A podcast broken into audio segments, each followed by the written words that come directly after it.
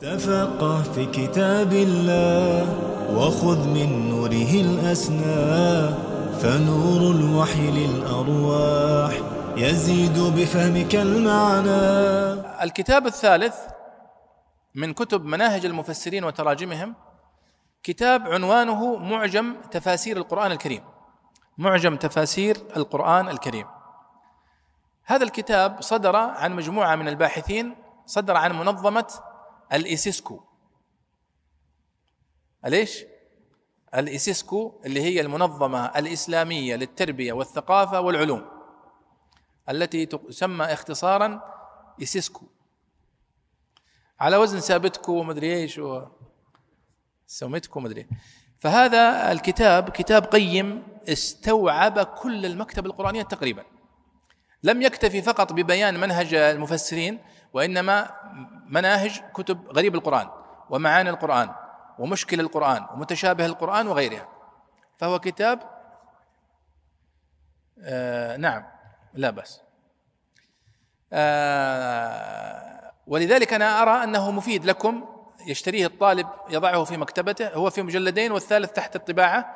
ثلاثة أجزاء فيها تعريف بكل كتب المكتبة القرآنية تقريبا وأسلوبه رائع والذين قاموا عليه من العلماء الموثوقين منهم الشيخ أبو خبزة وهو باحث مميز وفيه نقد جميل لكل الكتب واستدراك وإضافة مفيد الكتاب فاشتروه إن وجدتموه.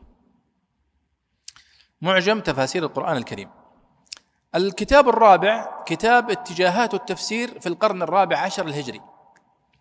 اتجاهات التفسير في القرن الرابع عشر الهجري للدكتور الأستاذ الدكتور فهد بن عبد الرحمن الرومي. حفظه الله. كتابه هذا هو أصله رسالة دكتوراه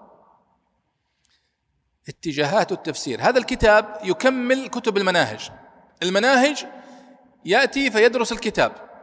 تفسير ابن كثير تفسير الطبري تفسير الزمخشري وهكذا. هذا يدرس اتجاهات التفسير بصفة عامة. الاتجاه الفقهي في الكتب الاتجاه اللغوي الاتجاه البلاغي الاتجاه العلمي وهكذا. وقد جمع فأوعى وأجاد وأسلوب الدكتور فهد أسلوب في غاية الروعة. أسلوب قلمه جميل ولذلك تقرأ وأنت مستمتع. وتغوص وتعيش مع اتجاهات التفسير المعاصرة تستفيد فائدة عظيمة. لذلك أنا أنصح كل طلاب العلم بقراءة هذا الكتاب في أي تخصص لكن في الدراسات القرآنية يعني من باب أولى. الكتاب الخامس هو خاص بالمفسرين بتراجمهم والتعرف عليهم. وأنصحكم بكتاب معجم المفسرين لعادل نويهض. عادل نويهض نعم الكتاب الخامس هذا. لأن الرابع اتجاهات التفسير قلنا. اتجاهات التفسير في القرن الرابع عشر الهجري الدكتور فهد الرومي. ثم الخامس كتاب معجم المفسرين لعادل نويهض وهو كتاب في آه تراجم المفسرين. يعني ترجم فيه لمعظم المفسرين 2000 تقريبا 2000 مفسر ومشارك في التفسير.